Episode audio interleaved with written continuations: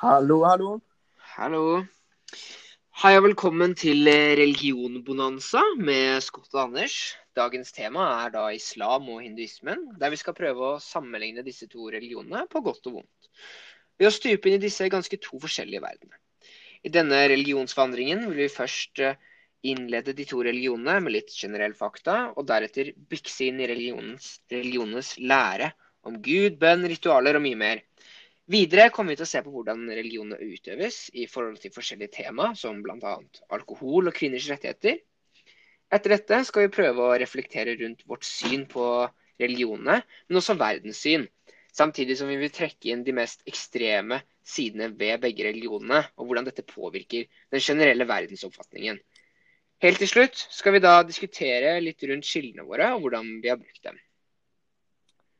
Ja, ikke sant? Da kan vi egentlig bare slå i gang podkasten med en liten innledning om eh, hinduismen.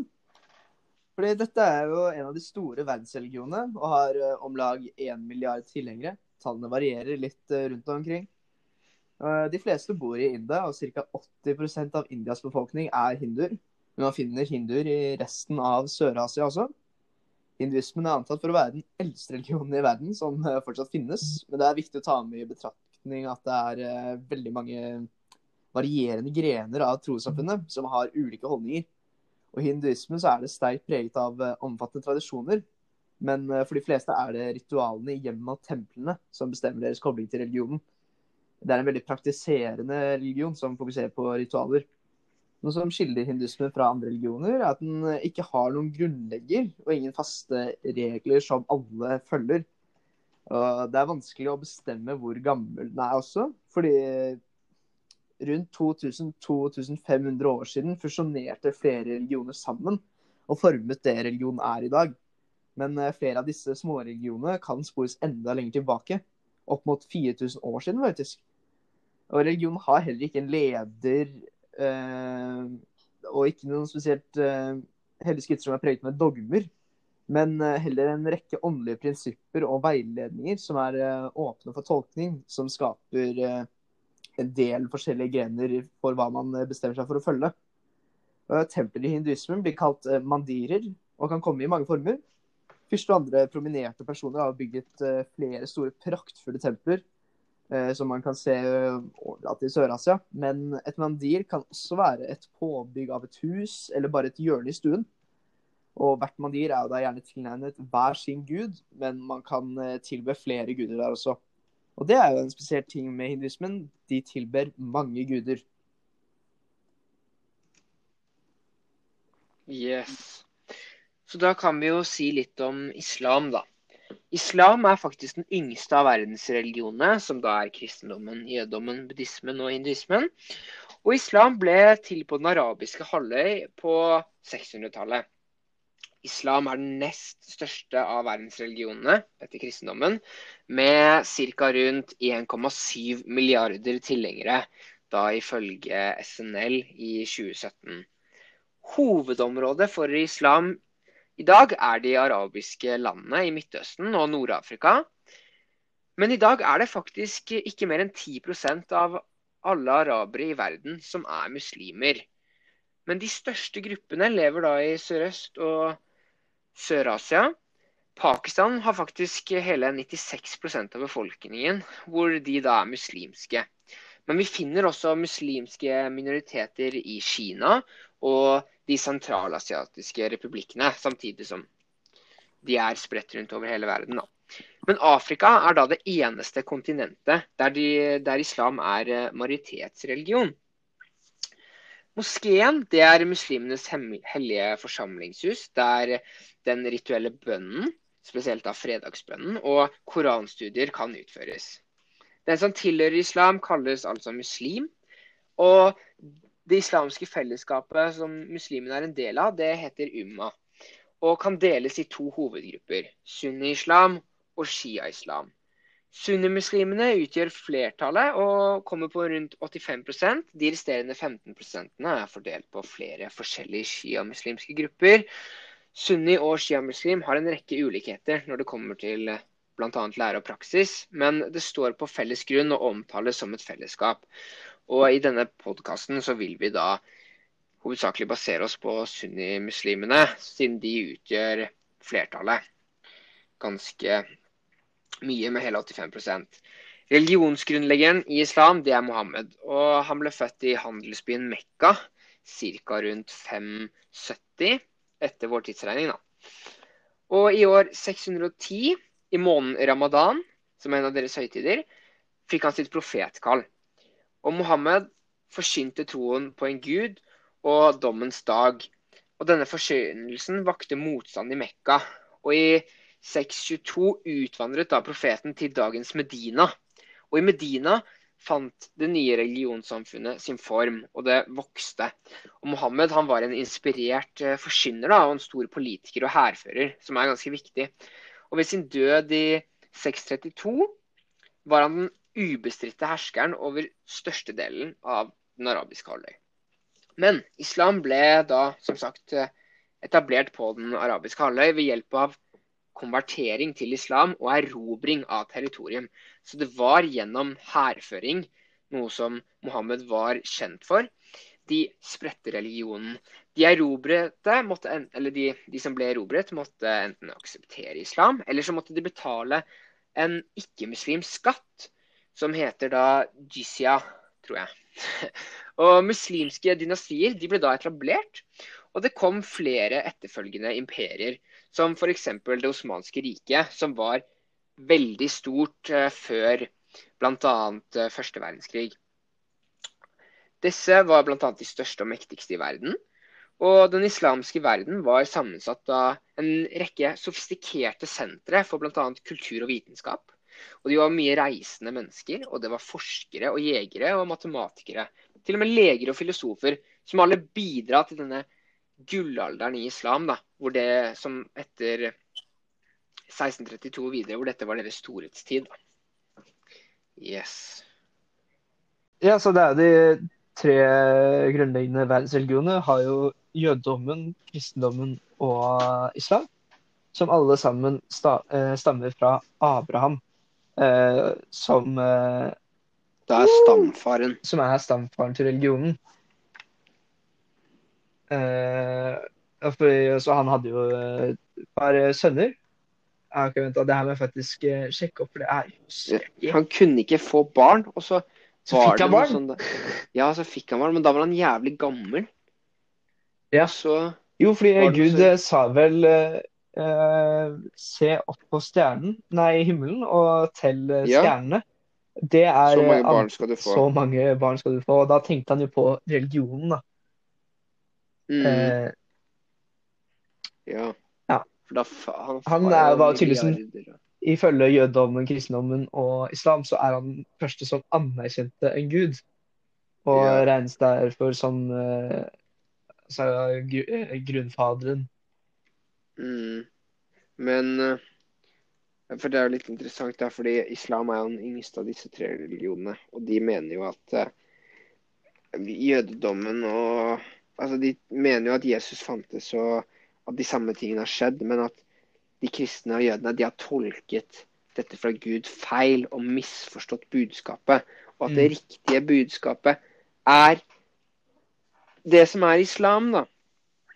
Og eh, det er jo slik at eh, f.eks. jødene, de, de, jo, de respekterer jo at det er andre religioner, og at det er greit, og at de ønsker på en måte ikke å utvide seg til flere medlemmer. Det er sånn Er moren din jøde, så er du en jøde. Eller hvis du Det er litt forskjellig da, men noen andre steder kan det gå også hvis faren din er men du kan jo også konvertere. Ikke sant? Ja. Men uh, islam, eksempel, de er jo en misjonerende religion som ønsker flere medlemmer. Mm. Og målet deres er å bli større. Og det er jo ganske stor kontrast til f.eks. jødedommen, som også er en abramittisk religion. Det var jo en veldig grundig inngåelse på religionen her. Eh, det jo, høres jo ut som de er ganske vidt forskjellige, de to gutta her. Ja, det kan du trygt si. Men da tenker jeg vi kanskje er klare for å gå litt videre dypt inn på selve religionen, nå som vi vet hva de er. Ja, det høres ut som en god idé. Og jeg synes virkelig det gjør det. Oi, oi, oi. Jeg knipses i studio. Det gjør det. Det er god stemning. Ca. 20 grader og Ja, det er, deilig. ja her er det minus. ja. Men eh, ja, som jeg nevnte litt i stad, så er jo hinduismen eh, med Det er jo en litt debatt om man skal kunne kalle hinduismen en religi- religion. Det er jo selvsagt en religion, men det er noen som mener at det kanskje ikke burde omtales som det. Fordi hinduisme er egentlig en fellesbetegnelse for mange religiøse retninger. Eh, Men det er en del grunnleggende trekk som går igjen dem alle. Og det er at hinduismen er en lære at verden blir skapt, opprettholdt og ødelagt av guder. At livet går i en syklus, og at menneskets sjel er fanget i kroppen. Men noe som skiller hindusmen litt fra de andre religionene vi har i verden, som da islam, som er en monoteistisk eh, tro, så er, en, eh, så er det i hindusmen mange guder. Avatarer og sjelånder, demoner. Men man sier gjerne at det er tre hovedguder, og det er jo Brahma, som er skaperen, Shiva, ødeleggeren, og Vishnu, opprettholderen. Eh, og disse tre er jo også utspringet til, eh, utspr har utspringet til avatarer og mindre guder. Altså de skaper eh, former på jorda og sender sin sjel inn dem.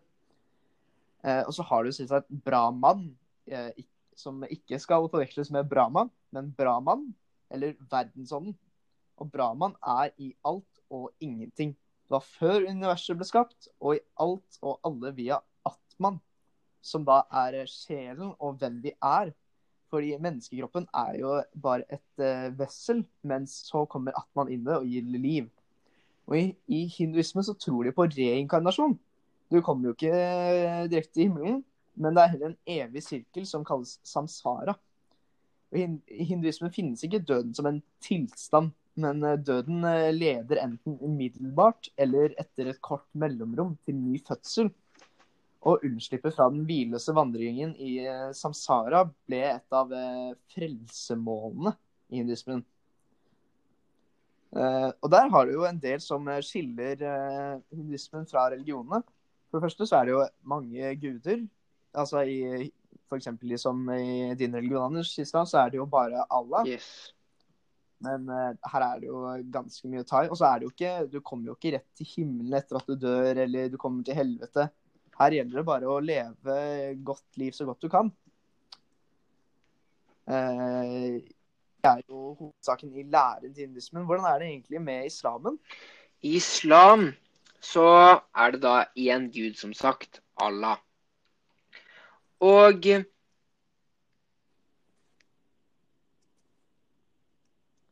Hva er det litt problemer i tekket her? ja Skal vi se, hører du meg nå? Jeg hører deg godt. Okidok. Så i islam, da, så er det Allah én gud. Og alle muslimske læresetninger er da avledet av tanken om denne ene guden. Og de har da gudsbildet, slik det formidles i Koranen, dreier seg om en allmektig, rettferdig, barmhjertig gud. Som griper inn i historien og rettleder menneskene ved å sende sine profeter, som da Muhammad. Den siste og endelige åpenbaringen av eh, Guds vilje blir da ifølge Koranen formidlet av de, det siste av Guds sendebud, som er da profeten Muhammed. Og i Koranen, som er muslimenes hellige bok, så beskrives Gud som et mysterium. Og hvordan budskapet da om denne allmektige, store og barmhjertige skaperguden skal oppfattes, har gjennom historien vært eh, en typisk eh, gjenstand for teologiske debatter, da, som handler om eh, debatter rundt eh, religionens lære. Skal man f.eks. tolke, tolke Koranens utsagn om Guds trone eller Guds hånd bokstavelig?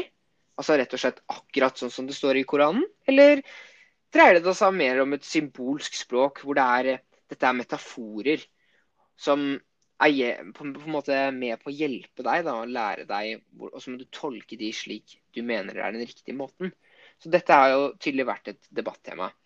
Så hvis Gud både er allmektig, allvit, altvitende og barmhjertig, så kom, da er det jo hvorfor tillater han da det onde? Og eh, Koranteksten antyder slike spørsmål, og de lærde har forsøkt å gi svar. Men her møter man da på det ondes problem, som man bl.a. gjør i kristendommen også. Og det er, alt, det er, veldig vanskelig å svare på. Det er jo ingen som har noe godt svar på det. fordi hvis det er en gud som kontrollerer alt og har en mening med alt, hvorfor har vi da f.eks. hatt disse verdenskrigene? Og det er det ikke noe godt svar på. Yes. Ja, for du nevnte jo Koranen, som er en hellig skrift innenfor uh, islam, ikke sant? Ja. Ja. Og hvis jeg ikke har tenkt feil, så er det jo Det er jo Koranen som setter reglene for uh, muslimene. Og uh, sier hvordan det er de skal følge religionen og livet. Og da tenkte jeg Det er jo litt spennende å da ta opp skrift, hellige skrifter i hinduismen. Fordi jeg, sa jo tidligere at uh, det er ikke noe spesielt stort fokus eller det, Skriftene setter ikke reglene og sier hva de skal gjøre og ikke. Men de har jo fortsatt et stort antall hele skrifter som er kommet fra de forskjellige grenene av religionen. og mange av dem er flere tusen år gamle. Og Skriftene deles gjerne inn i to klasser. De som blir åpenbart, altså shruti, som det kalles. Og det som huskes, smriti. Og I utgangspunktet regnes eh, som åpenbarte tekster, mens Mahabrata, Ramayana og Puranene er tekster som er husket, dvs. Si menneskeskapt. Uh, dette er jo noen av de store hellige skriftene deres som de uh, leser, da, som gjerne er fortellinger om gudene. Og det er noen nyanser i forhold til dette. Noen hinduer regner da Mahabrata som en åpenbar tekst. Og noen hinduretninger regnes også flere av Puran-tekstene som Bhagravata Purana som en åpenbar tekst. de eldste tekstene er jo da vedaene, som utgjør et felles trosgrunnlag for alle hinduer. Og Vedaskriftene består av fire store samlinger av eh, hymner. Rigveda, Jurda, Ataravada og Samaveda. Alle slutter jo da på Verda eller Veda. Og de eh, eh, vediske hymnene skildres Altså i de vediske hymnene skildres dyrkelsen av guder som Agni, Indra og Varuna gjennom nitide ritualer der ilden og offeret står sentralt. Dette er eh, gamle guder som man eh, ikke hører så veldig mye om nå. Og man tenker gjerne at eh, en del av gudene som er i disse fortellingene, er ikke en hel del av hinduismen lenger, men heller noe man kan lære av fortellingene. Og de fire klassene av Veda-skrifter har blitt overført muntlig fra lærer til elev, og har hver for seg blitt tillagt senere kommentarer som igjen deles inn i tre klasser med ulik autoritet brahmaner, adamikekar og panishader de Ja, der frøs jeg litt, altså. Hva skulle jeg si igjen? Det viktigste filosofiske systemet eh, basert på vedaene er vedanta, som igjen finnes i mange versjoner. Eh, viktig for hinduene er dessuten de store episke fortellingene Mahabharata og Ramayana, som fant eh, sin form i de siste århundrene før Kristus, eller før vår tidsregning, som man kanskje sier nå. Og de inneholder et eh, vell av eh, fortellinger og legender om mytologiske skikkelser og dagligliv i prehistorisk tid. Eh, tekstene omfatter også lange partier med filosofiske refleksjoner, framstillinger av hinduismens grunnbegreper og forklaringer av moral og samfunnsorden. Uh, og hinduismens mest kjente hellige tekst, Bhagavat Bhagavatya, er en del av verket Mahabharata. Som du kanskje skjønner, så er hinduismen en ganske innviklet eh, religion. Så det har ikke vært så lett å eh, finne ut hvordan man skal forklare alt sammen, fordi det er fryktelig mye å ta hensyn til. Eh, og det er jo da en det skylder jo hindusmen ganske godt fra islam. Som er da en ganske rett linje på det her er greit, det her er ikke greit, det her skal følges, det her leser vi. Mens hindusmen er, er mye mer flytende. i hva som funker og ikke, og hva man selv skal tro på. Ja. Og med det, som Scott sa tidligere også, med at hinduismene tror på livet etter døden, så er det også noe islam lærer om. At det da er et liv etter døden. Og muslimene de tror da at Allah, Gud, bestemmer når en person skal dø. Og det som skjer, de blir gravlagt. Og det som skjer, er at når tiden er inne, så vil sjelen deres stå foran Gud. Og da bestemmer Gud om de skal til paradis eller til helvete. Og de som har da gjort flere gode handlinger enn onde handlinger, de vil da komme til paradis. Mens de som har gjort flere onde handlinger enn gode handlinger, de vil da komme til helvete. Så begge religionene tror på livet etter døden, men på en litt forskjellig måte, da. Og med, også med de hellige skriftene som Scott snakket om akkurat nå, nevnte i hinduismen, så er Koranen trosgrunnlaget i islam. Altså etikk, rituelle plikter og regler, de er bestemt i Koranen. Og dette er da muslimenes hellige bok, slik som kristne har Bibelen. Koranen inneholder åpenbaringene profeten Muhammad skal da angivelig ha mottatt fra år 610 til han døde i 632. Og Koranen består faktisk av hele 114 kapitler og er skrevet på arabisk etter at Mohammed døde, ble fortellinger om hva han hadde sagt, gjort og skrevet ned i bøker som kalles hadith, som betyr fortellingene. Shia-islam inkluderer beretninger om imamene i sine hadith-samlinger, i motsetning til sunnimuslimene. Så kan vi jo gå litt videre da, inn på bønn og riter. Og De religiøse pliktene i islam, altså troens fem søyler, omfatter trosbekjennelsen, bønnen, den rituelle avgiften, fasten og pilegrimsferden til Mekka. Og Disse pliktene de pålegges da begge kjønn. For i Guds øyne så er eh, mann og kvinne likestilt. Kvinner de er religiøst aktive, men reglene for adskillelse mellom menn og kvinner, samt reglene for rituell renhet, vil i praksis begrense kvinner mye mer enn det de gjør menn. og Det skal vi komme litt inn på senere, som er et interessant tema. Og Barn de oppfordres også til å utføre bønnen sammen med voksne. Men innen, nei, ingen religiøs plikt da, er eh, obligatorisk for noen før etter puberteten. Så man vil jo ha på en måte muligheten til å være barn, og bare barn, før man preges av religion. Til man på en måte har blitt voksen. Og da denne rituelle bønnen, den til forskjell fra personlig bønn, som også praktiseres selvfølgelig, skal skje fem ganger daglig. Det er egentlig regelen. Det er mange muslimer som ikke praktiserer det. Altså I en veldig individualisert og hyttig verden som vi bor i i dag, så er det for mange ikke mulig. Men de som følger Koranen slavisk, utfører da denne bønnen fem ganger daglig. Og bønnen den kan utføres hvor som helst, men særlig betydning som tillegges denne bønnen, da, den felles fredagsbønnen i moskeen. Det er den aller viktigste. Den rituelle avgiften den skal gå til de som er trengende, fattige, folk som sliter. For du skal gi. Du skal, altså når, du det, når du gjør godt og du har et solid og sterkt liv, så Altså, du trenger ikke alt det du har. Så derfor forlanger Koranen, Gud, han, at vi skal være barmhjertige og gi til de som trenger. Dele av vår suksess. Og denne årlige avgiften er formalisert i enkelte muslimske land i form av en inntektsskatt, men ikke alle steder. Fasten i måneårets niende måned ramadan innebærer da at den troende fra daglig til etter solnedgang avholder seg fra å spise, drikke og f.eks. røyke, som også er en annen form for å innta noe. I tillegg til at man ikke skal være seksuell aktiv. I tillegg så har vi pilegrimsferden til Mekka, som alle muslimer pålegges å måtte gjennomføre en gang i livet sitt.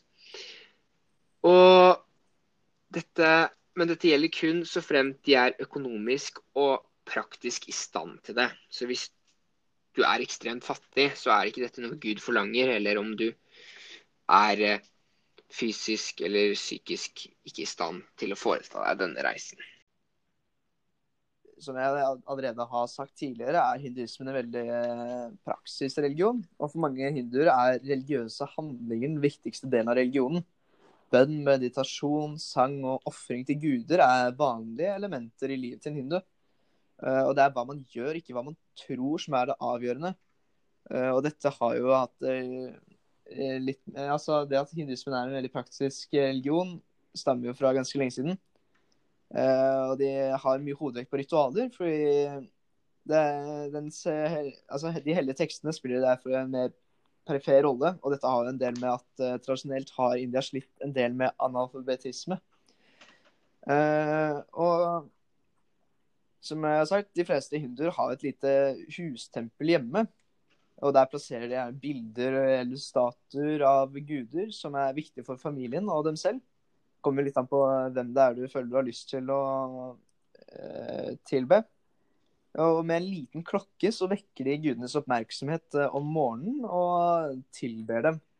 Og så tenner de røkelse og resiterer eh, vedaskrifter. Eh, det er også vanlig at de legger fram ferske blomster og frukt som gave til gudene. Men det kommer litt an på hvilken gud du ber til. For du har f.eks. Ganesha, som har elefanthode, han er veldig glad i søtsaker, så da legger man gjerne søt frukt eller godteri eller kake som ofring. Eh, alle disse handlingene kalles puja, og puja er et uttrykk for respekt og gjestfrihet. Eh, enten det praktiseres i hjemmet eller i tempelet. Eh, og så har du jo en del feiringer. og den hinduiske kalenderen har ingen ikke noen ordentlig nei, ukentlig hviledag eller helligdag. Eh, derimot finnes det mange dager som er eh, viktige høytider, og høytidene kan gjerne markere mytologiske hendelser. F.eks. hvordan en demon ble overvunnet av en gud, eller mer dagligdags da en fest for å feire at avlingene er høstet inn. Og Høytidene er sterkt preget av det, den gode seier over det onde lys over mørket og kunnskap over uvitenhet. Og En stor feiring de har, er Diwali. og Dette er jo en lysfeiring i overgangen mellom oktober og november, som er til minne om gudene Ramas og Sitas og deres hjemkomst til Ayodhya etter 14 år i eksil. Da.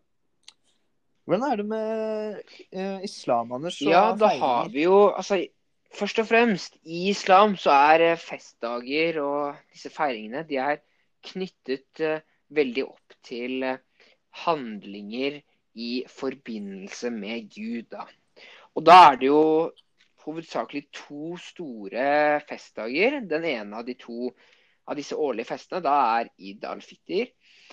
Det er en takkefest som feires da ved avslutningen av ramadan-fasten. Og den andre, andre, store årlige festen, som er offerfesten Id al-Adha, den feires ved avslutningen av pilegrimsreisen.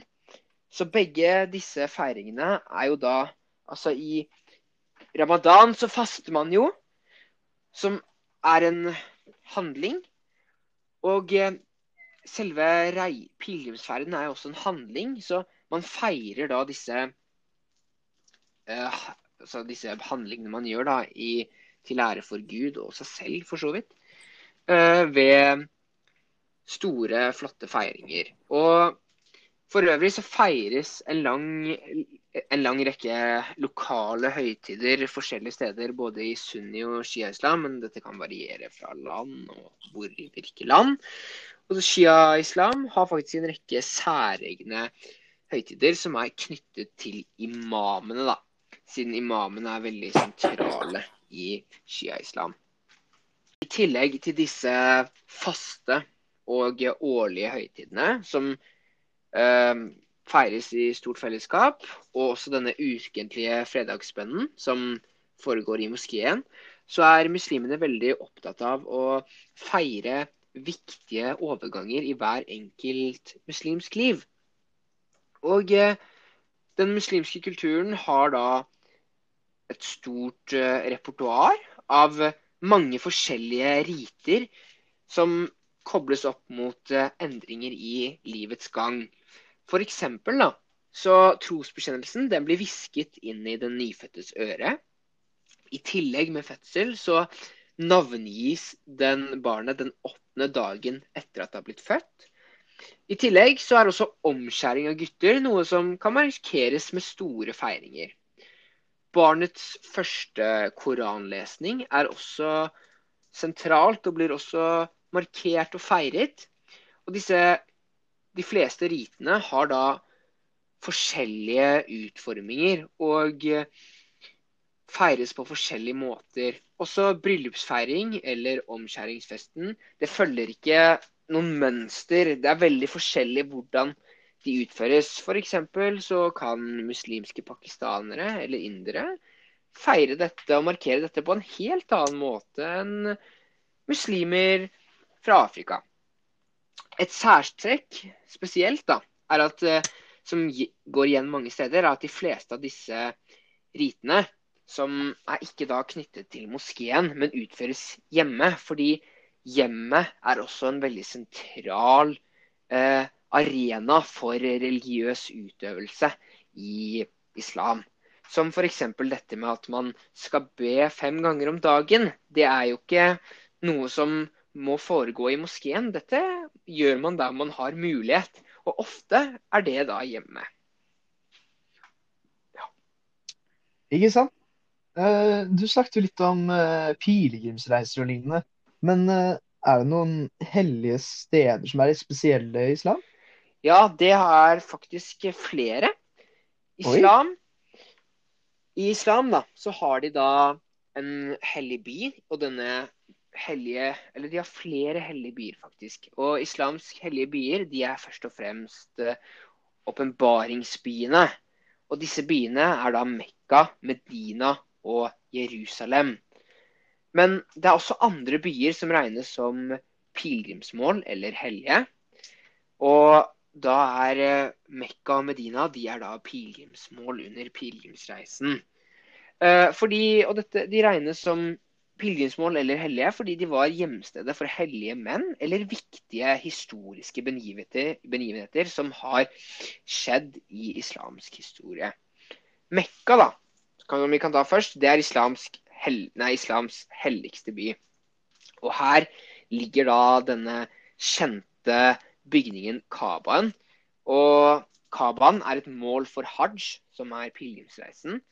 Og Kaba er også kibla. Og kibla betyr bønneretningen. Så når man ber, så skal man be i retning mot Mekka. Og eh, denne Kabaen, det er da en stor, svart firkantet bygning preget med gullmønster langs siden. Medina det er da islams nest helligste by. Og her er eh, profetenes moské. Eh, og det er her da Mohammed er gravlagt. Og eh, Medina var faktisk målet for hijra.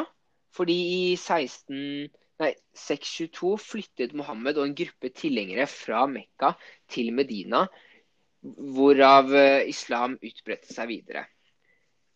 I Jerusalem, som også er en av de hellige byene, så ligger faktisk eh, Al-Aqsa-moskeen og eh, Klippedomen. Og muslimene tror at Mohammed besøkte byen, og at han derfra reiste til himmelen og møtte Gud. Så dette er jo ekstremt en ekstremt hellig by da, i islam, ettersom det var her Mohammed reiste opp i himmelen og møtte Gud, som er en stor begivenhet. Og Al-Aqsa-moskeen er eh, en av de mest kjente moskeene i verden. I tillegg til at Jerusalem er en hellig by for uh, muslimer, så er det også en hellig by for kristne og jøder. Og dette har jo, som historien viser, bydd på relativt mange konflikter da, i verdenshistorien og vært et utspring til mye krig. Men eh, hva med hinduismen? Hva er det som er deres hellige steder? Nei, ja, Det er ganske interessant. fordi I hinduismen så har de mange, mange hellige steder og ting, til og med. Uh, F.eks. byer som har blitt grunnlagt av de forskjellige avatarene eller gudene. Men jeg tenkte jeg kunne fokusere litt mer på noe av det som vi kanskje kjenner litt mer til. Og det er elven Ganges. Og en Ganges i India er hinduismens helligste elv. Den omtales som moder Ganges, selve det he- hellige, nærende og rensende vann. Eh, og I den hinduistiske mytologien har Ganges sitt utspring i himmelen, der den er synlig som Melkeveien. Og den strømmer ned på jorden gjennom eh, Shivas hår. Og Ganges betraktes også som eh, Shivas hustru, og som hans kraft-shakti, som det også kalles. Å bade i Ganges er for hinduene en eh, rituelt rensende, frelsende handling.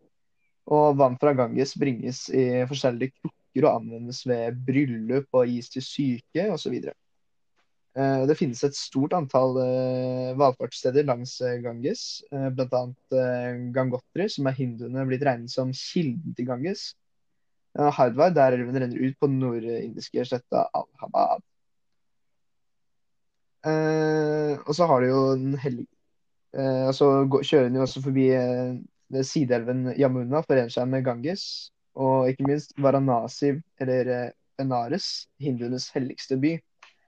Og så er det slik at eh, hinduene, de begra når det er begravelse, så sender de døde ut i Ganges. Og man bader der og vasker seg for å renses. Og så det er ikke en veldig ren og fin elv, kan man si. Det er en del som blir skuffet når de drar og reiser litt. Ja. Men eh, dette med renslighet, er det viktig for hinduismene? Med tanke Nei, hinduistene? Nei, hinduene er det det heter. Unnskyld. Med tanke på at de vasker seg mye Altså, Ganges er et sted for renslighet. Er det et sentralt aspekt i hinduismen? Jeg ville ikke sagt at det er et veldig sterkt aspekt. Det handler jo mer om eh, at man skal leve riktig og være god mot andre. Eh, Ja. Og det kan man f.eks. se med munkeorden som de har, altså eller asketer. Eh, hvor gjerne litt eldre menn blir asketer og gir fra seg alt kall på kapitalisme eller materialisme, kan man si. De har kåpen sin og gjerne en treskål og får det de blir tilbudt av mat, og lever eh, således. Ja. Men det er ikke noe stort fokus på at man skal være ren og renslig. Fordi, Nei. ja, man kan jo se på India, det er ikke en veldig renslig by. Nei.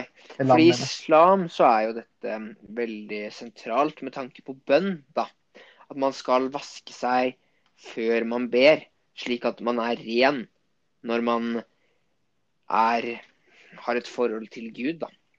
Som står i stor kontrast til eh, hindismen, med tanke på at eh, ja, Ganges er ikke akkurat vitenskapelig sett en veldig ren elv. Da. Men on that note så tenker jeg, før vi avslutter denne teoridelen og beveger oss videre inn i hvordan religionene utøves, å snakke litt, bitte litt om mat. Fordi i islam så er det noen generelle regler rundt dette temaet. Fordi muslimer de kan kun spise mat som er halal. Og halal betyr tillatt. Og dette er, har da med Koranen å gjøre. og Guds befalinger. Og det motsatte av halal, det er haram. Og det refererer til den maten muslimer ikke kan spise. F.eks. så anses svinekjøtt som urent, og derfor er haram noe de da ikke kan spise. I tillegg så er bl.a. alkohol ikke ansett av de fleste som tillatt. Og alle andre måter for å innta rusmidler. Dette skal vi da selvfølgelig komme tilbake til i utøvelsen. Men i hinduismen er det noen slike regler rundt hva man kan spise, Scott? Ja, Anders, det er jo ikke noen spesifikke regler på hva som er lov og ikke lov. Men det handler jo mer om kulturen og hva som er eh, normalt i det området du er fra. Og det er jo en del som er f.eks. vegetarianere, eller bare spiser fisk, eller mange som spiser kjøtt òg. Men de har jo et veldig interessant syn på mat, fordi inderne betrakter maten som en gave fra gudene. Og man spiser ikke bare for å overleve, det er en middel for å oppnå fysisk og åndelig balanse. Eh, og da gjør man jo gjerne det man kan for eh, det, og da er det jo heller ikke noe fokus på eh, du kan spise det og det, men heller at du skal spise det som får deg til å bli mest mulig balansert. Interessant. Men jeg har så- hørt Ja, OK. Ja, du skal få si det du ville si. Nei, eh, nei, hva var det du skulle si? Jo, for jeg har hørt at kuen er, spesielt i India, er hellig. At man ikke skal Ja. eh, spise den. Stemmer det? Ja, man skal jo gjerne unngå det, fordi inne i India så er de jo veldig glad i kuen fordi den gir dem melk. Eh, Og melken er veldig utbredt i India fordi de bruker det i så å si nesten av matlaging. Og dermed kommer jo eh, fram at kua er på en måte nesten et symbol på liv og energi. Aha. Men det er jo veldig kult, egentlig. Det er det. Det er litt så stilig at det faktisk er noe eh, De setter mer pris på noen dyr i hindusmen istedenfor å si at andre dyr er eh, ekle og skitne. Ja, det kan jeg si meg veldig enig i. Men kanskje vi skal bevege oss videre da, mot hvordan disse religionene utøves. Og sprade litt rundt temaene alkohol og kvinners rettigheter. Ja, det er jo også veldig interessant, fordi det er jo i visse religioner så er det veldig strengt på hva som går og ikke innenfor eh, rusmidler. Eksempel alkohol, er det bra, er det ikke bra, tobakk osv. Ja, I hinduismen så er det egentlig ingen spesifikke regler her heller på hva som er lov og ikke lov. Det har jo med at det er ikke noen re fysiske regler. Kommer igjen helt opp til enkeltmennesket og hva hen tenker om saken, og hvilken eh, gruppe i religionen eh, den personen kommer fra. Ja, fordi i islam så er jo f.eks. Alk alkohol det og andre midler som gjør deg beruset, det er da altså, generelt oppfattet som forbudt. Og det det omtales flere steder i Koranen. Og ettersom dette bl.a. er dårlig for helsen og forstyrrer Altså, det Du blir jo kan jo bli full, og din, din tilknytning til Allah blir forstyrret da, av det å være beruset. Og det, det er ikke positivt. Fordi det er ikke sunt for deg eller for din tro. Og flere deler av Koranen tar som sagt opp dette med rusmidler. Og et alkoholforbud da er generelt akseptert utover hele islam som en slags diettlov. Men det som er litt interessant, er at eh, alkohol var faktisk ganske utbredt på den arabiske halvøy, der hvor islam oppsto for eh, flere ja, på rundt, rundt 600 eller på 600-tallet. Fordi araberne de hadde forskjellige eh, religioner på den tiden som var utbredt i de forskjellige områdene. Og eh, alkohol det var ikke et ukjent eh, stoff for disse. Men som mens men eh, med det at islam ble innført og flere og flere ble muslimer, så ble også alkohol gradvis forbudt. Fordi man kan ikke si stopp med en gang. Det ville ikke ha fungert. Det skjønner jo alle. Så derfor Det har ble prøvd overalt i verden. ja, ikke sant? Så derfor ble alkohol gradvis forbudt. Og det er jo litt interessant med tanke på at for lenge siden så var dette noe som ble brukt i disse områdene. Men i dag så er det faktisk nesten ingen steder å finne. Men Det- så er det også slik at hvis man ser på internasj internasj internasjonal statistikk, så er eh, Hvis man ser på gjennomsnitt over eh, hvor mye man drikker, så kommer eh, ikke de muslimske landene så veldig de, kom, de kommer ikke noe høyt oppe. Det er jo disse europeiske landene og Mm. USA som gjør det veldig sterkt der. Men hvis man ser på gjennomsnittet, og ikke ser på gjennomsnittet av hele befolkningen, men bare de som drikker, så kommer faktisk Tsjad, hvor det er ganske mange muslimer, på førsteplass. Og de arabiske emirater gjør det også veldig bra her. Så de, som, De de muslimene bra. som drikker i disse landene, og de som drikker i disse landene, de drikker mye. Og det er jo litt interessant med tanke på at dette er noe som egentlig er ansett som forbudt av de fleste innenfor denne religionen. Ok, Nå tenkte vi å se litt på kjønnsroller i de forskjellige religionene. Og da kan jeg godt tenkte jeg å starte da, med å snakke litt om islam. Fordi ifølge Koranen så er menn og kvinner likestilt i Allahs øyne. Men det har seg slik at eh, det er vanlig at Eller det er slik at mennene de har da forsørgerplikt for familien. Og med dette så har kvinnene da lydighetsplikt. Og dette er det da som praktiseres i de fleste muslimske land. Og med dette så er det også ofte sånn at mannen får eh, foreldreansvaret for barna hvis det skulle skje. Så han har det overordnede ansvaret for familien. Og dette er jo noe som på en måte flere vestlige land ser på som feil, fordi det er jo på en måte ikke likestilling. Og dette er noe islam blir eh, kritisert for, og blir kritisert innad for flere steder, og har blitt en stor diskusjon de siste årene. Fordi i tillegg så er det mennene som representerer familien utad, og kvinner har ofte endt med å være isolert hjemme. For det er mange eh, land som krever, altså praktiserer at mennene og kvinnene skal være adskilt. Og dette er jo også der hijaben kommer inn, med tanke på at man skiller kvinnen fra mannen, og at kvinnen dekker seg til når hun er utenfor hjemmet, slik at det er bare mannen som kan se hele henne. Og dette er jo noe som blir sett på som undertrykkelse flere steder i verden. Og det har vært opp til debatt uh, ganske mye i media de siste ti årene. Og det er ikke det eneste, fordi i noen få steder i islam så praktiseres også omskjæring av kvinner. Dette er da hovedsakelig det er, altså Der de få stedene skjer, så er det hovedsakelig i Afrika. Og altså dette er en livsfarlig, fordi man skjærer bort kjønnsleppene på kvinner. Og de kan blø i hjel, og det er eh, ikke forsvarlig på noen måte. Men pga. at liksom imamene og de eh, høyt respekterte personene i islam, det har ikke vært noe Det er ikke populært å kritisere hverandre. så Disse temaene har ikke blitt tatt opp. Men også i det siste tiden, de siste tiåret, så har jo med internett, med sosiale medier, feminister, både muslimske og andre feminister, har tatt dette opp da, på eh, internettet for å kritisere og diskutere hvorfor dette er feil. da.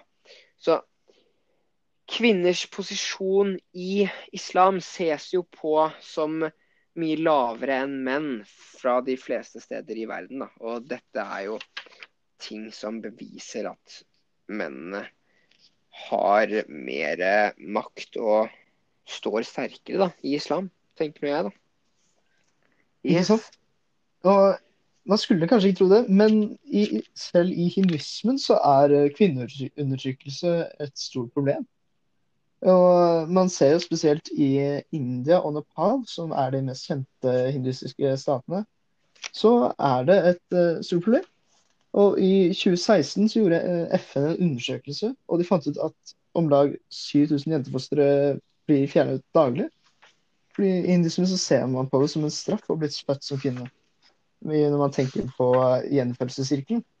Uh, og man tenker at menn uh, de blir sett på som mer verdt. Uh, og dette er jo ganske interessant uh, overfor hinduismen er jo en ganske fin religion til å begynne med. Eh, men man ser jo f.eks. i India at det er et veldig farlig land for kvinner. Og vold mot eh, kvinner, både offentlig og privat, er et stort problem. Både med voldtekt og vold. Eh, og så er det jo det, er det man sier med gjenfølelsen. Det er jo visse gravskikker i hovedsakelig India, hvor f.eks. at faren i familien når ikke i frigjøring dersom en sønn ikke tenner gravmålet hans. Og det er kun menn som kan oppnå frigjøring. Ergo, man trenger en sønn for å komme, bli frigjort. Og er, du må være mann for å bli frigjort fra sirkelen. så de ønsker jo gjerne ikke jentebabyer. Og eh, det er flere millioner jenter som er eh, savnet i India eh, fordi de blir abortert, eh, til og med kvalt eller forgiftet. Og ut fra dette så er det også en stor ubalanse mellom kjønnene. Eh, en av grunnene til dette er jo at eh, de ser på kvinnene som nesten skitne. Og f.eks. under puja så er kvinnen er nødt til å vaske seg og bytte til helt rene klær, hvor eh, de andre i familien helst da bare må eh, vaske seg. Eh, og til, selv i, til og med i Nepal, i visse landsbyer, så er det noen grupper som mener at eh, mensen er et eh, tegn fra gudene og et uh, symbol på deres uh, synder. Så i noen få landsbygder så er det slik at når en jente får uh, mensen, så er hun nødt til å bo i en egen hytte i skogen. Ja. Og, så er det jo det med medgift, at foreldrene må gi en gave da, eller masse penger til den familien de gir datteren sin til. Eh, men det er også et spørsmål er dette noe som kommer fra hinduismen, eller er det de politiske maktene i områdene som har bygd opp til dette? Fordi i hinduismen så står jo gudinner sterkt, og til og med en av eh, de store tre, altså Shiva, er jo en kvinne.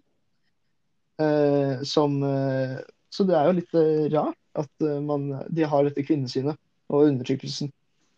Ja, og det gjelder jo det samme for islam. Altså, ingen altså, I islam så er jo alle de store personene nevnt i Koranen. Men, og, men ifølge Koranen så er jo menn og kvinner eh, likestilt, og de skal utfylle hverandre. Men det er jo også sånn som i Saudi-Arabia, som er en islamsk stat, at kvinner nå nylig fikk lov til å kjøre bil, f.eks. Og da kan man jo spørre seg om dette har med religionen At det begrunnes religiøst, eller at det egentlig er kun politisk og altså maktene i og regjeringen og styret i det landet som har bestemt dette fordi det er noe de selv ikke ønsker. Det er, ja, det er jo akkurat det som er eh, tingen her, da. Fordi spesielt med hindusme, som da er bygd opp av så mange grupper, eh, rett og slett. Så da er det jo Man vet, klarer ikke å bestemme, vite om dette er noe som faktisk er noe fra troen, eller eh, lokal tro. Det er det. Det er det som er vanskelig noen ganger. En annen ting som er litt hyggeligere, da, som er veldig sentralt i islam, det er da bønnen når man kommer til praktisering. Fordi Mohammed han skal ha sagt at bønnen det er nøkkelen til paradis. Og ettersom at bønnen er den måten man hengir seg til Gud, da, så er dette noe som skal praktiseres fem ganger hver dag av muslimene. Men det er her slik at hvis man f.eks. er ute og reiser, eller ikke har, av en eller annen grunn ikke har mulighet, så kan man slå sammen noen av de bønnene. Eller bønnene. Bønnene, ja. bønner, bønner og bønner. Men man kan da slå de sammen. Og den, hver, de bønnene de foregår på Altså bønnen til Gud foregår de som man skal gjennomføre hver dag, fem ganger. De foregår på arabisk, men etter, på det, etter det så er det en personlig bønn, og den kan man da praktisere på hvilket språk man ønsker. Så hvis du er norsk, så kan du si den, snakker norsk, så kan du snakke, si den på norsk. Men i tillegg til at uh, bønnen er din connection til Gud, da, på en måte, så er det en del ting som følger med det. Fordi man har et bønneteppe som blir på en måte din hellige avgrensning som du skal ligge på. og så Da går man ned på kne, og så er man rettet mot Mekka. Og før man uh, ber, så skal man vaske seg. Man skal være ren. Og da har man den li lille renselsen, som er det man pleier å gjøre, som er å vaske seg, så at man ikke er skitten. Og så har man den store renselsen, som man skal foreta seg etter at man har vært uh, seksuelt aktiv, hatt menstruasjon eller fødsel. Så her er det jo litt tilbake til det med kvinner, da, at menstruasjon anses som skittenhet, sånn som det gjør steder i hinduismen, som Scott også snakket om. Og det er jo litt interessant med dette med likestilling, da, fordi det er jo en helt normal del av kroppssyklusen. Så det er jo litt rart at det ses på som skitnhet, da. Men selv om man skal be fem ganger hver dag, så er det allikevel én bønn som er viktigst, og det er middagsbønnen som foregår i moskeen på fredager. Og her er det faktisk pliktig for menn, altså praktiserende muslimske menn, å møte opp. Og her bes bønnene da sammen i fellesskap, og så er det da imamen, tilsvarende prest, som holder preken. Og tilbake til det med kvinners rettigheter, da, så har faktisk ikke kvinner de har ikke plikt til, til å delta på denne bønnen. Og så er det faktisk slik at de fleste kvinner foretar denne bønnen hjemme. Og det er også ganske rart å tenke på når det står i Koranen at de er likestilt og skal utfylle hverandre. Så har de fremdeles ikke de samme kravene til hverandre når det kommer til noe så enkelt som bønn, som handler om å hengi seg til Gud, og ifølge Gud eller Mohammed er nøkkelen til paradis, så hadde det jo gitt mening om begge disse var pliktige til å møte opp. Akkurat, og hvis man også tenker på det på den måten at uh, da kommer jo det begrepet tolkning inn i bildet. Altså hva er det man får ut av de hele skriftene. Uh, for ja, det, det kommer jo helt an på øyet som ser, og tenker OK, uh, ut ifra det jeg leser, så skal kvinnen gjøre akkurat det samme som mannen. De skal gjøre ting sammen. Mens en annen person ville da kanskje sagt uh, nei, nei, jeg skal gjøre dette, så skal hun gjøre noe annet, da, f.eks. Det var noe jeg ville legge til på den, da. Ja, nei, men det er sant. Tolkning har veldig mye. Fordi det står jo blant annet i Koranen at uh, det er et Altså nå når det har kommet til dette med kvinnekamp da, og likestilling, så står det i et uh, kapittel så står det at uh, mennene de får da dette rådet. Den som dere frykter oppsettighet fra, skal dere formane. Gå ikke til sengs med dem og gi dem stryk.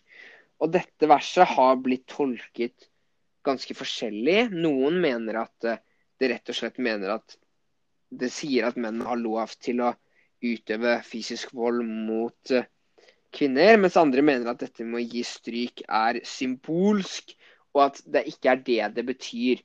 At eh, det, man kan tolke det på en annen måte. Og dette har jo vært i det siste, som sagt, tiden vært eh, debatt da, i så å si verdenssamfunnet når det kommer til islam og likestilling. Så det er jo flere ting fra Koranen, og i hvert fall hvordan det praktiseres, som tyder på at det er ikke så likestilt som eh, en del skal ha det til, da. Ja. Ikke sant? Men hvordan er det med bønn i, på praktisering av det i hinduismen? Du, det er ganske interessant, da, fordi det er et par like aspekter her. Men også legge til en litt sånn uh, anekdote. Fordi det en gammel lærer hadde på ungdomsskolen, han var, skulle ta taxi inn i Oslo en gang, og så plutselig måtte taxisjåføren kjøre av veien. Stoppe, gå ut, rulle ut et bønneteppe og be en av de fem bøndene. Så da sto han og venta. Taksometeret sto og gikk. det er kanskje ikke så kult. Jæklig gøy. Men uh, ja, fordi i hinduismen så har de jo det de kaller puja, hvor de da tilbeder, uh, tilbeder guder. Og jeg har jo vært litt inne på dette, og Pudja er et uttrykk for respekt og gjestfrihet. Eh, om det så praktiseres i hjemmet eller i tempelet. Eh, for de fleste hindre har et lite hustempel i huset, der de plasserer bilder eller stater av guder som er viktige for familien og dem selv. Eh, og med en liten klokke så vekker de gudens oppmerksomhet på morgenen og tilber dem. Så tenner de røkelse, resiterer vedaskrifter. Det er også vanlig at de legger fram ferske blomster og frukt som en gave til gudene. da. Eh, fordi gudene anses som gjester, og at de også tar en del i bønnen. Eh, det er også slik at eh, kvinner må jo vaske seg grundig og ha rene klær. mens resten av familien bare trenger å vaske seg.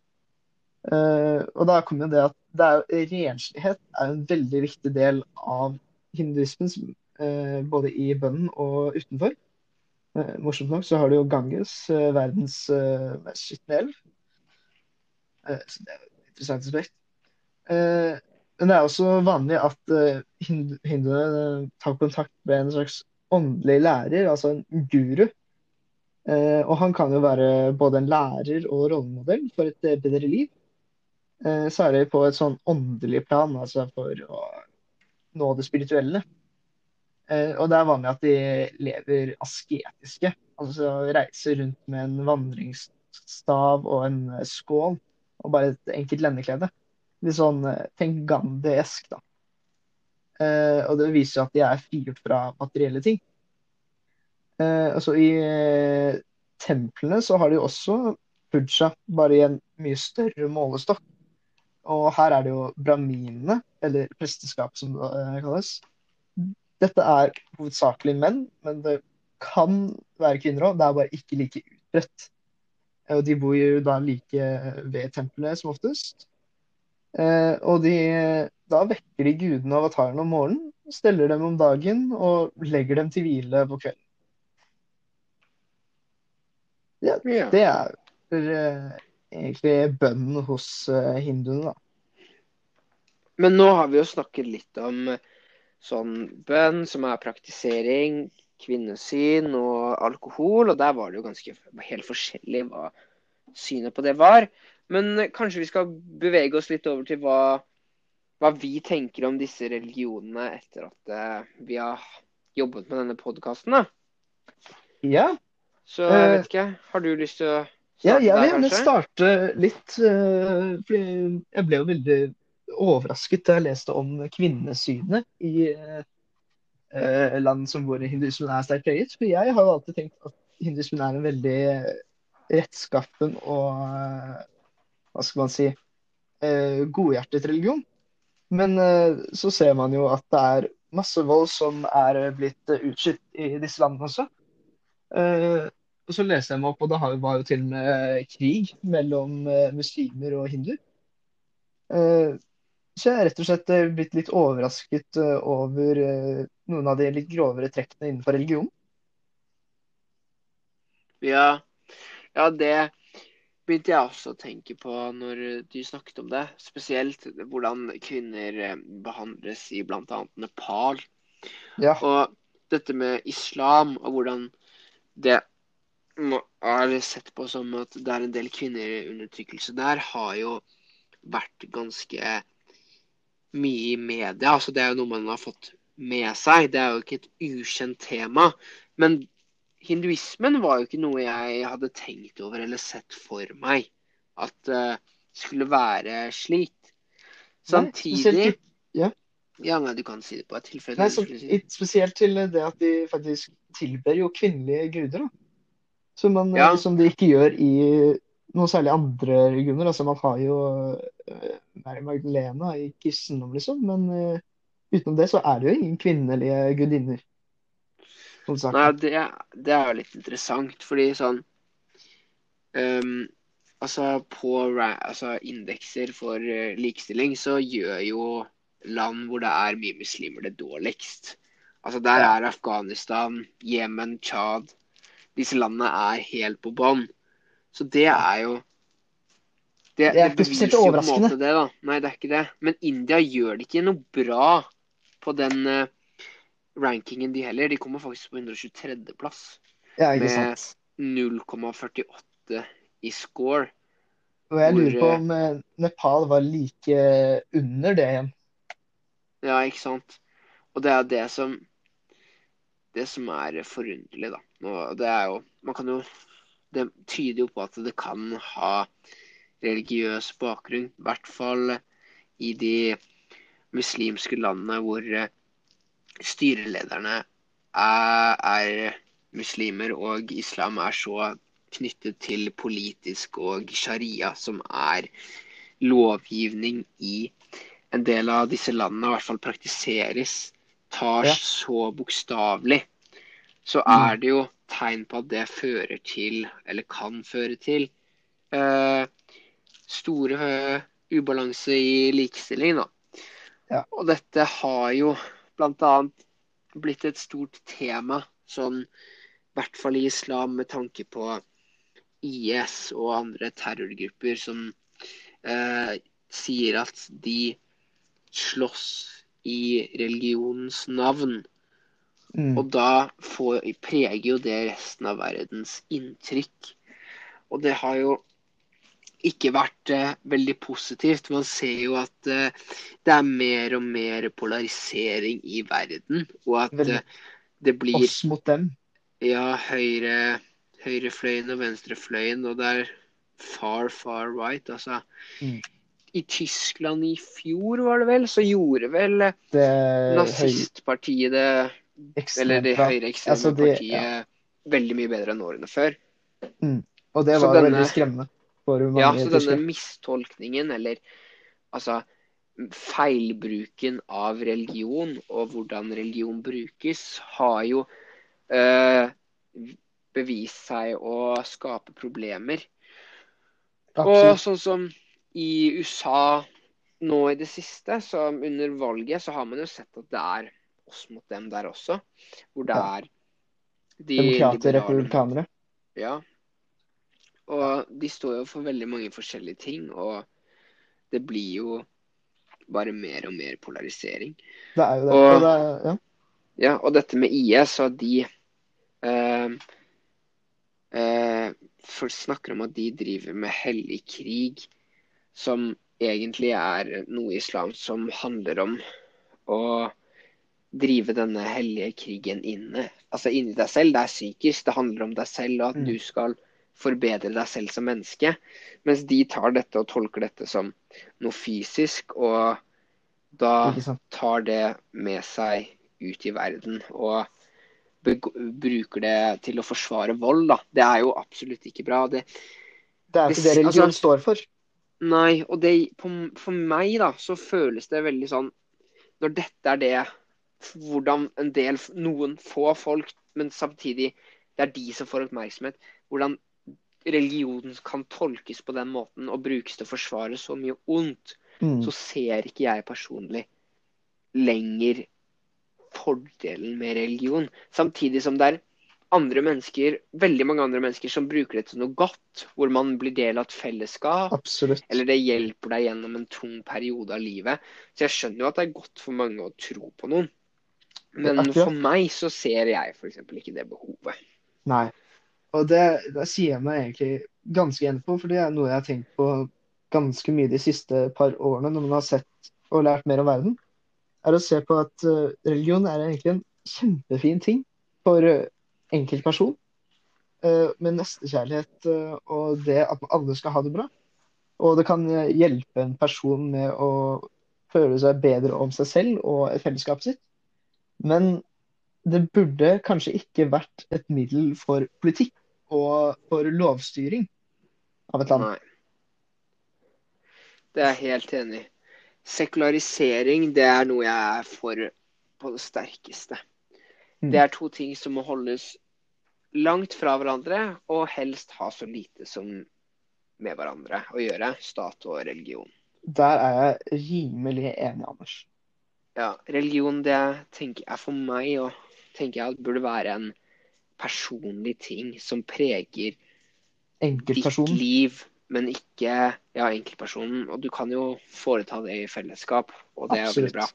Men det skal ikke påvirke lovgivning i landet eller styresett eller økonomisk eller noen skal- form for Det skal ikke krenke noen andre, eller Nei, påvirke noen som ikke har lyst til å bli påvirket av det, nei. tenker jeg. Det skal ikke ha noe med politikk å gjøre, for min del. Nei. Det tror jeg det er ganske mange som er enig i, selv om det viser seg at det, det er, Det er eh, faktisk flere og flere unge i verden som blir religiøse. Ja, er det Det er? Ja, det er det. Det var Skal vi se, må jeg finne um, uansett så er det jo eksempel, du ser på TV-program som På tro og are, hvor eh, man faktisk får et innblikk i en religiøs familie. Og får sett Ja. hvordan religion faktisk kan praktiseres på et eh, kjempefint uh, level. Hvor det er viser faktisk hva religion kan dreie seg om. Når du ikke prøver å pushe det videre. Eller går en ekstrem vinkel. Ja, og det er jeg veldig enig i, fordi religion det skal være et personlig valg. Og i f.eks. islam, da, så er det ikke uvanlig at barn må på koranskole, og at Koranen og religionen tar veldig mye plass i livet deres som barn. Og når man er barn, så er man jo ikke voksen. Man har jo ikke utviklet sine egne tanker helt ennå. Det er veldig lett å påvirkes. Og det er jo Altså, det vises jo at det er mer og mer eh, radikalisering av barn. Og nylig arresterte jo PST en mindreårig for mistanke om forgiftning av tilfeldige folk her i Norge. Som har fått Ja. oppmerksomhet i Og media. så var det jo også har- han 16-åringen som er siktet for terror Ja, det var han tenkte på. Ja, Ja, det var han tenkte på. Og det er jo også disse søstrene som dro til Afghanistan nå for en god del år siden for å slåss for IS, som fortsatt er der nede. Mm. Som gjennom islamnett, radikalisering, koranskole og det å omgås feil type mennesker innenfor ditt miljø, uh, endte opp med å ta den avgjørelsen. Og det er der jeg tenker at uh, det er jo ikke positivt på noen som helst måte. Nei. Det er derfor religion Du må Det er personlig, men det må, passe, det må liksom også handle om de rette tingene. Da. Ja, fordi det er jo masse godt med religion. Det er bare visse ekstreme tankesett som på en måte har utnytta av det, tenker jeg, da. Ja. Uff, det er det. Det blir misbrukt, rett og slett. Mm. Ja, Men var Ja. Ja. Nei, nei, nei. Det, det jeg tenkte å si, var egentlig litt Kanskje vi skulle diskutere hvilke kilder vi har brukt. ja, det hadde jo vært uh, en god idé. Ja, Eh, fordi Ja. jeg kan jo da si at vi har jo I hvert fall når det kommer til islam, så har jeg brukt uh, boken uh, lite grann. Men jeg har også tatt en D og sett, lest mye på SNL. For der sto det mye bra om islam, men også islamsk islam, altså islamsk historie.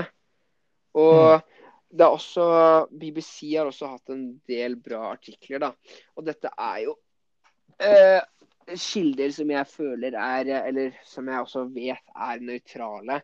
Altså i hvert fall Store norske leksikon. Det er jo et eh, leksikon hvor man eh, presenterer ren fakta. BBC er jo også en troverdig, verdenskjent kilde som jeg føler meg trygg på å bruke, da. Ja. Det kan jeg trygt si. at Jeg har jo brukt eh, BBC, jeg også, samt eh, Al Jazeera, som fokuserer litt mer på Østen. Eh, så har jeg brukt NDLA og SNL, eh, som du. Eh, Ja. Og dette er, anser jeg som ganske troverdige kilder. Hvordan bra Al Jazeera er, er jo litt usikkert, men det er en fin kilde for å få noe litt annet enn vestlig. Eh, og så har jeg også brukt eh, The Guardian for eh, visse artikler. Ja, de er også skriver jo mye bra. Da er vi ved veiens ende, dessverre, for denne gang. Ja, vi håper kanskje å se dere i en ny episode av religion Religionsbonanza en annen gang. Kanskje i fremtiden, men Det hadde vært gøy. det hadde vært gøy. Fremtiden, tiden, Gud vil vise det. Det er til Det er ikke Det er jo vi som bestemmer det til på en måte, men samtidig så er det jo opp til andre krefter. Gunnar. Men uh, vi får se, da. Vi får se. Og med det Ha det, ha det bra.